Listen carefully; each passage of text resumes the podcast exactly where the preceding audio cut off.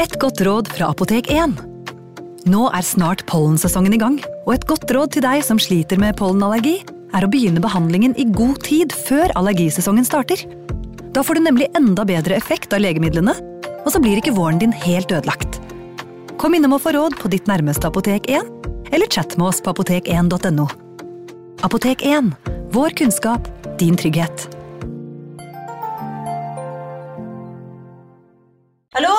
Jeg kommer fra Oslo politikammer.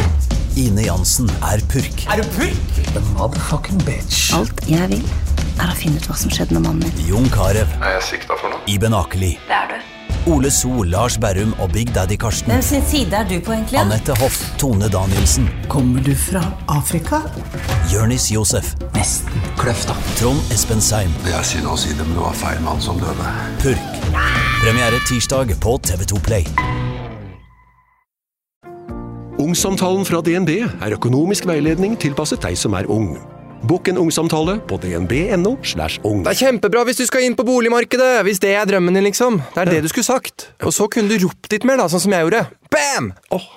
Hei, kjære lyttere. Påsken er jo høysesong for krim, så jeg tenkte at dette var en perfekt anledning til å dele en av mine egne favoritt-true crime-saker med dere. Som et lite påskeegg til kommer jeg derfor til å legge ut tre episoder om øksemordene i New Orleans. Første del kan du høre allerede nå, så vil resten av episodene slippes i løpet av påsken. Her vil Aksel og Bær og jeg fortelle hele historien om den ukjente trusselen som hersket over byen på begynnelsen av 1900-tallet. Dersom du er på jakt etter enda mer krim fra virkeligheten i påsken, finner du flere episoder av True Crime Podden og True Crime Podden dokumentar på Untold. God påske fra meg og resten av True Crime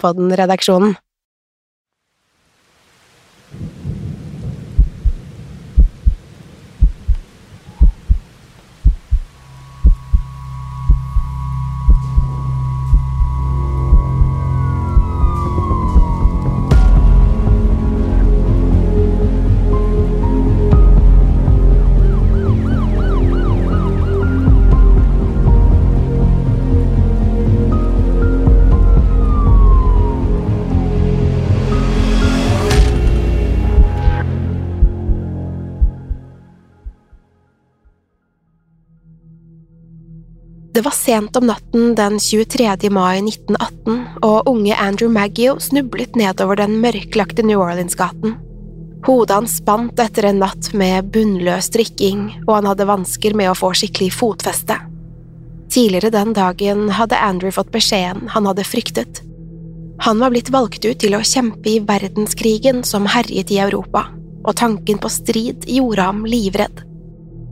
Etter at meldingen kom, hadde han reist rett til den lokale puben for å glemme problemene sine. Nå var pubene stengt for natten, og Andrew hadde ikke noe annet valg enn å vandre hjemover.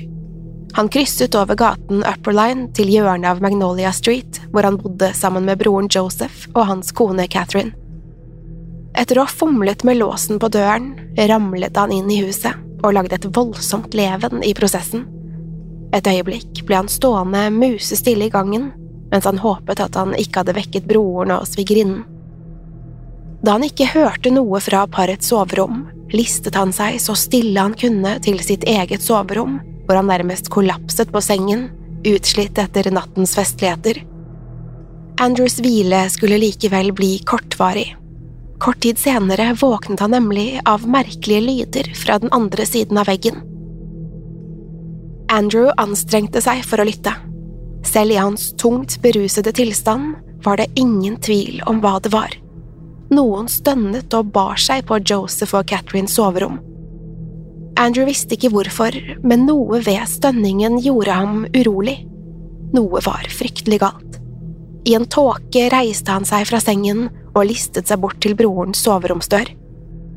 Lydene der innefra lød høyere gjennom døren, men av en eller annen grunn fikk han seg ikke til å åpne den for å undersøke. Tankene raste i hodet hans mens han prøvde å finne ut av hva han skulle gjøre. Så med ett fikk han en idé. I stedet for å undersøke selv, spurtet han ned trappen og ut på gaten. Andrews eldste bror, Jake, bodde like i nærheten. Om han bare kunne vekke broren, kunne de kanskje se til Joseph og Catherine sammen. Etter mye om og men fikk Andrew dratt Jake opp av sengen og halt ham med seg tilbake til huset, hvor de bestemte seg for å ta bakdøren inn. Men da de nærmet seg huset, innså de at noe ikke var som det skulle. Den smale tredøren sto på vidt gap, og en av plankene var forsvunnet. I forferdelse forsto de at noen måtte ha brutt seg inn. Brødrenes hjerter hamret idet de snek seg inn døren og nedover gangen mot Joseph og Catherines soverom. Da ingen svarte på Jakes lette banking, åpnet de døren forsiktig. Som en vegg ble de møtt av en tung, metallisk lukt. Kvalmen vellet opp i dem begge, da stanken fylte neseborene deres. Likevel skulle det være ingenting i forhold til det de skulle se da øynene deres vendte seg til mørket. På gulvet, i en pøl av sitt eget blod, lå Catherine. Strupen hennes var skåret over på tvers, så dypt at de kunne se det hvite av knoklene i ryggraden hennes.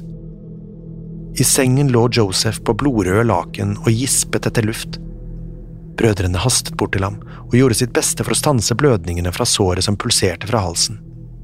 Snart var en ambulanse på stedet, men da var det allerede for sent. Joseph Maggio og hans kone Catherine var begge døde. Det skulle bli begynnelsen på New Orleans' verste mareritt. Over det neste halvannet året skulle en demon herske i byens gater på nattestid, og etterlate seg et blodig spor av død og lidelse. En seriemorder var på frifot i The Crescent City, en blodtørstig og ondsinnet jævel, som i månedsvis skulle ha byen i sin hule hånd. The Axeman of New Orleans var blitt sluppet løs, og byens befolkning var alt annet enn trygge. New Orleans har alltid vært assosiert med et rikt og variert kulturliv. Etter at den opprinnelige franske byen havnet i amerikanske hender, skulle den snart vokse seg til en av landets største. Tilflyttere fra alle verdens kanter skulle gjøre byen til en smeltedigel av kulturer og religioner. En rekke tidligere slaver skulle deriblant slå seg ned i byen og gjøre den til sin egen. Derfra vokste det frem et yrende musikkliv. Mot slutten av 1800-tallet dukket jazzen opp, og mange har gitt New Orleans æren som sjangerens fødested. Det er likevel ikke bare musikk som har blitt et kjennetegn på Louisianas største by. New Orleans er også kjent for å huse noen av verdens mest hjemsøkte steder. Et utspring av voodoo-religionen klorte seg fast i byen på et tidspunkt, og skulle aldri slippe taket. Selv i dag er det mange som ferierer i New Orleans, først og fremst for å oppleve byens okkulte hemmeligheter. Til tross for det er ikke alle byens mysterier kun overtro og fantasi. På begynnelsen av 1900-tallet skulle byens befolkning nemlig oppleve et helt ekte mareritt som tvang dem alle ned i knestående. En morder var løs i byens gater, og det hele startet med drapene på Joseph og Catherine Maggio.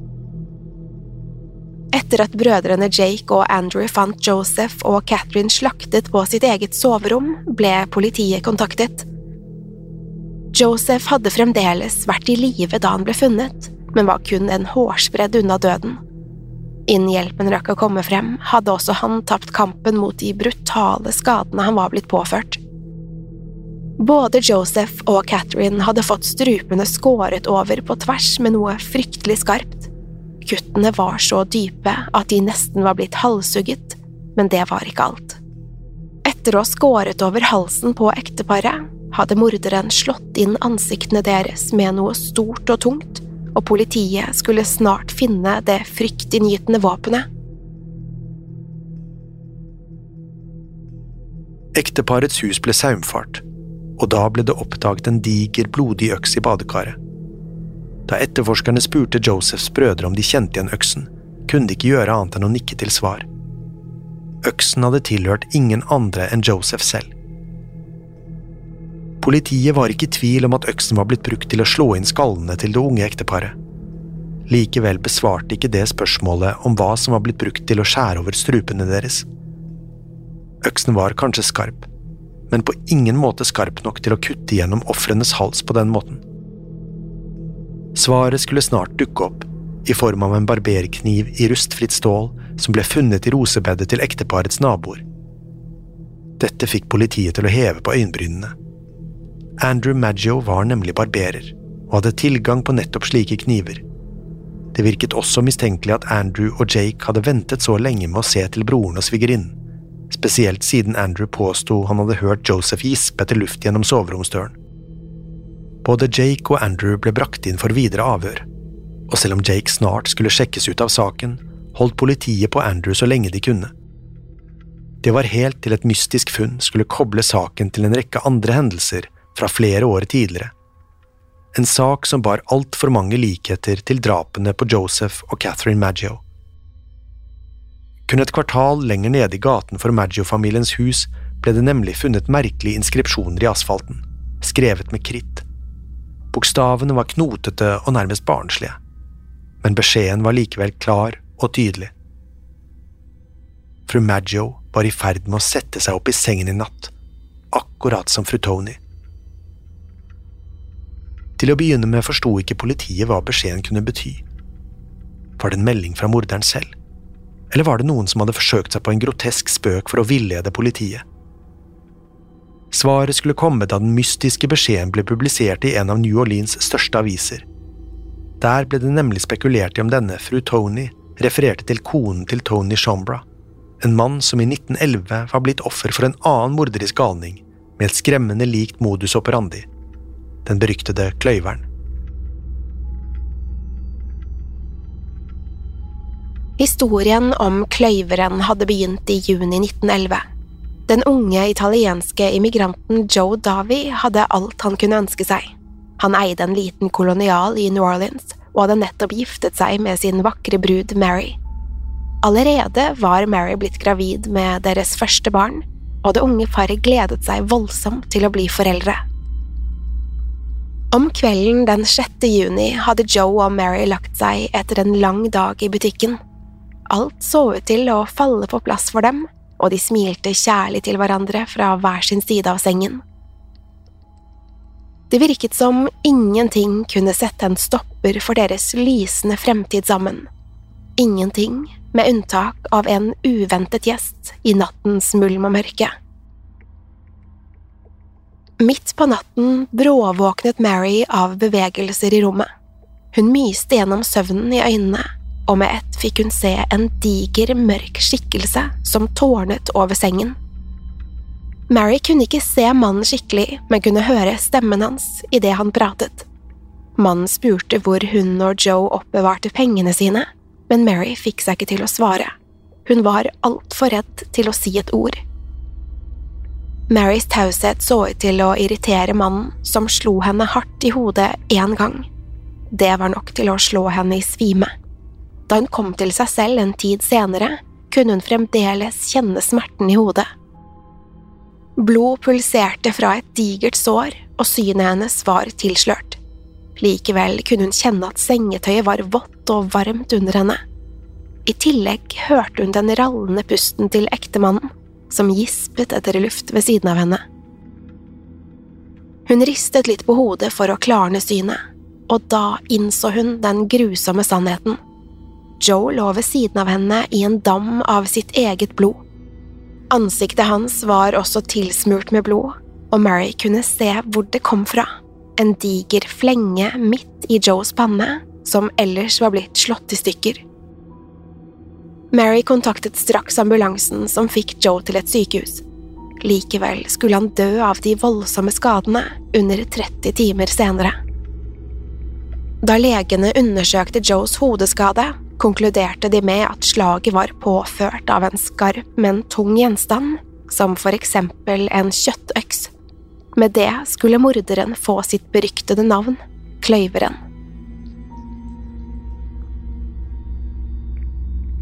På grunn av mangel på bevis på Davy-familiens soverom var det lite for politiet å gå etter. Likevel kunne Mary beskrive morderen som lys i huden og iført arbeidsklær. Dessuten mente hun at mannen ikke hadde hatt noen spesiell aksent. New Orleans var full av immigranter, men kløyveren virket ikke til å være en av dem.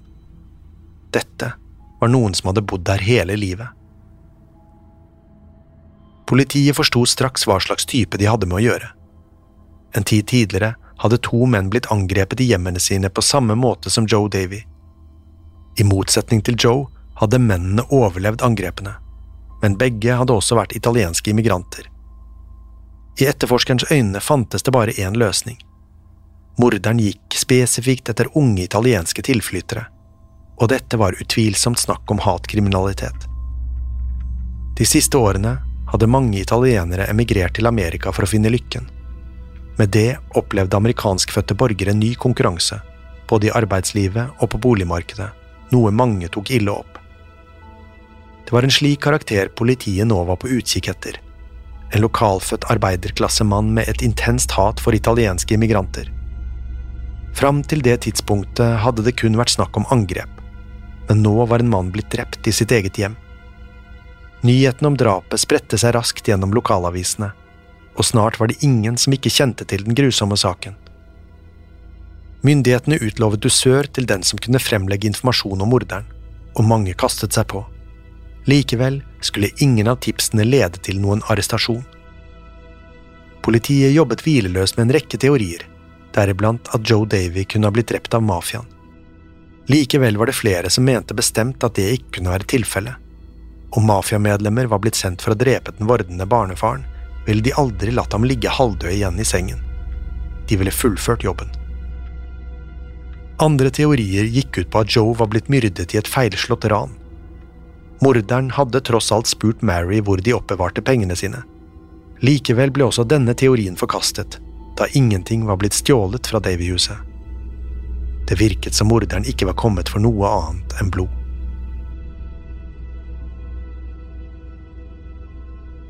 Ettersom tiden gikk og det ikke dukket opp noen nye spor i saken, innså politiet at det ikke kom til å løse saken med mindre morderen slo til igjen. Dermed var det bare å vente på at den beryktede kløyveren ville kreve sitt neste offer. Likevel skulle ukene, månedene og etter hvert årene gå uten at flere ofre dukket opp. Kløyveren så ut til å ha gått under jorden, og med det fortsatte livet å gå sin vante gang i New Orleans. Det var helt til syv år senere, da den nådeløse morderen plutselig kom tilbake.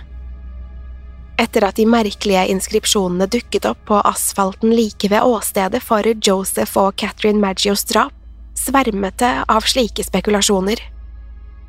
Kunne kløyveren være tilbake etter så mange år i det skjulte?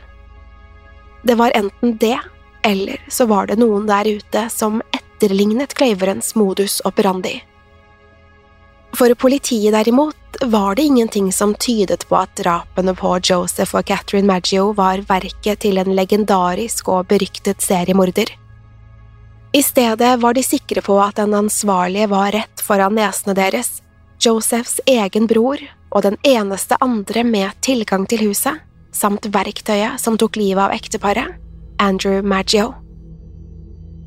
Offisielt ble Andrew holdt som et kritisk vitne i den brutale saken, men sannheten var at politiet mistenkte den unge barbereren for å være morderen selv. I flere dager ble han utsatt for grov fysisk og psykisk tortur i et forsøk på å få ham til å tilstå. Politiet var nådeløse i sin strategi og lot ham ikke engang delta i brorens og svigerinnens begravelse. Det var til tross for at han tryglet om å få gå. I avhørene skrek etterforskerne ham i ansiktet og anklaget ham for å ha myrdet sin egen bror. Likevel nektet Andrew for å ha stått bak drapet. Selv da etterforskerne kastet Josephs blodige klær på bordet, holdt han fast ved sin uskyld. Uansett hvor hardt etterforskerne presset ham til å tilstå, sto Andrew på sitt og til slutt ble de nødt til å innse at de ikke kom til å få noen innrømmelse ut av ham. Andrew Maggio kunne ikke være morderen de lette etter. Ingen ville holde ut slik behandling om de skulle få en slutt på det ved å tilstå. Dermed ble Andrew til slutt løslatt, og politiet sto igjen på bar bakke. Dagene gikk, og ingen flere spor kom inn i den mystiske saken. Morderen var som sunket i jorden, og ingen visste hvor han var, eller om han kom til å slå til igjen. Det var helt til natt til den 27. juni 1918, da enda en immigrant skulle bli angrepet, men denne gangen var ikke vedkommende italiensk, han var nemlig polsk.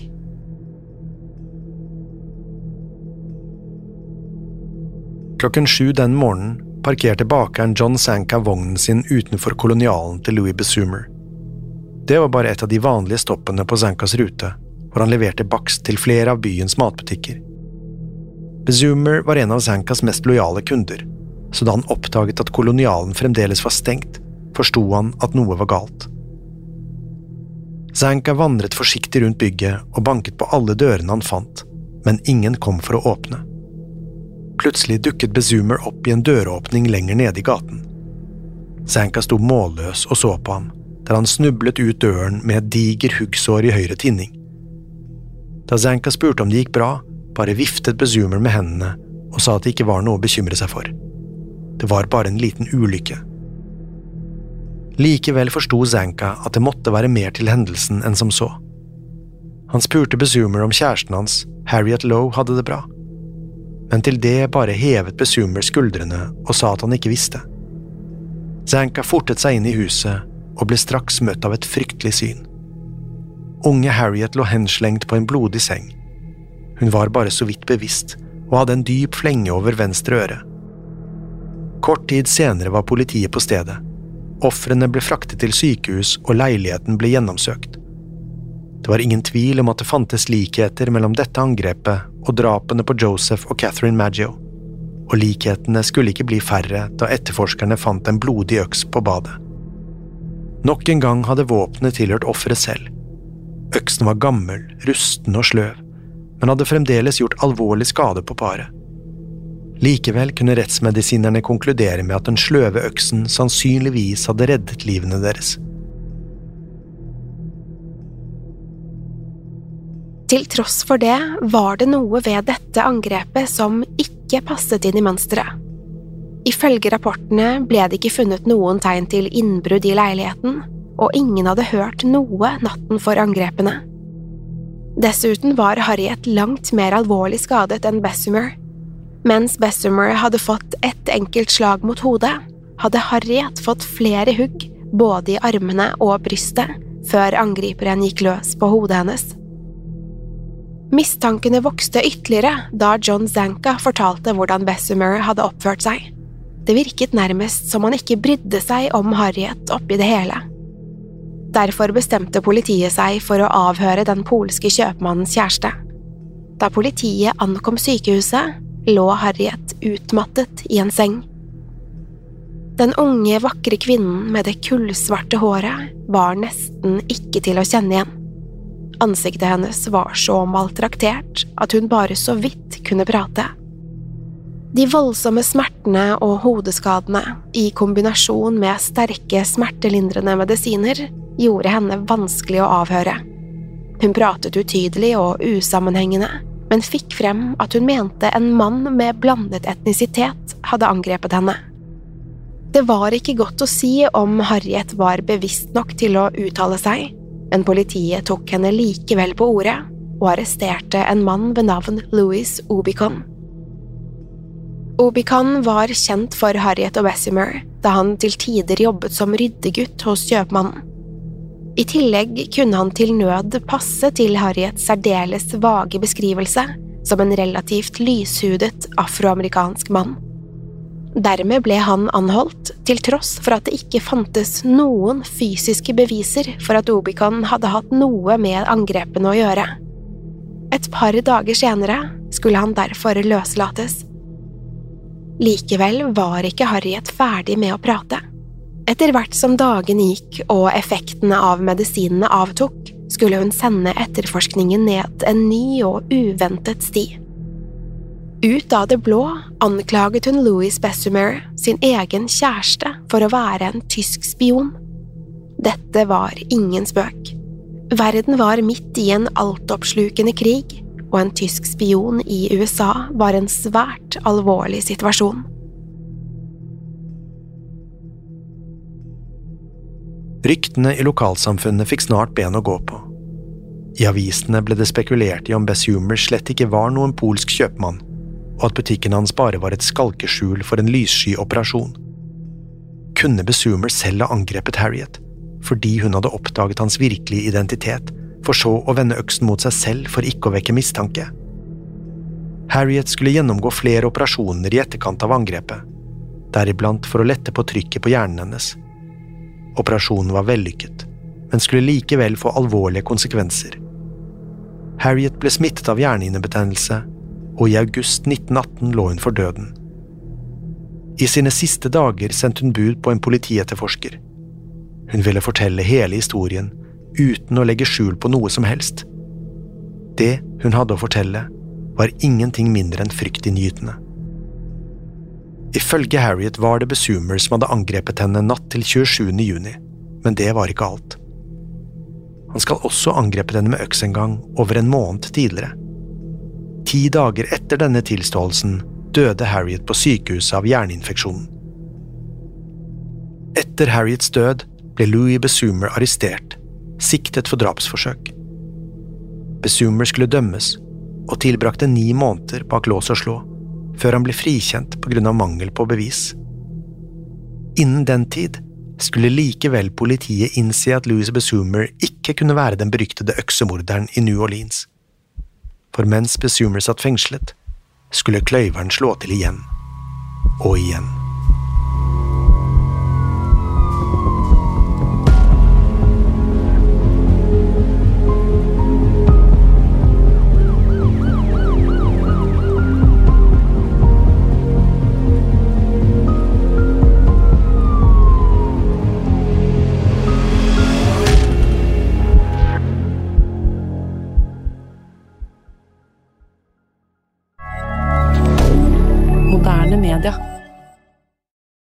Har du et enkeltpersonforetak eller en liten bedrift? Da er du sikkert lei av å høre meg snakke om hvor enkelt det er med kvitteringer og bilag i fiken, så vi eh, gir oss her, vi. Fordi vi liker enkelt. Fiken superenkelt regnskap. Hei! Takk for at du lytter til True Crime Podden.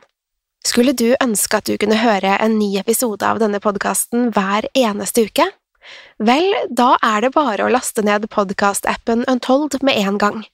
I tillegg til ukentlige episoder av podkaster som Skrekkpodden, Synderne og Henrettelsespodden, får du masse annet reklamefritt og eksklusivt innhold.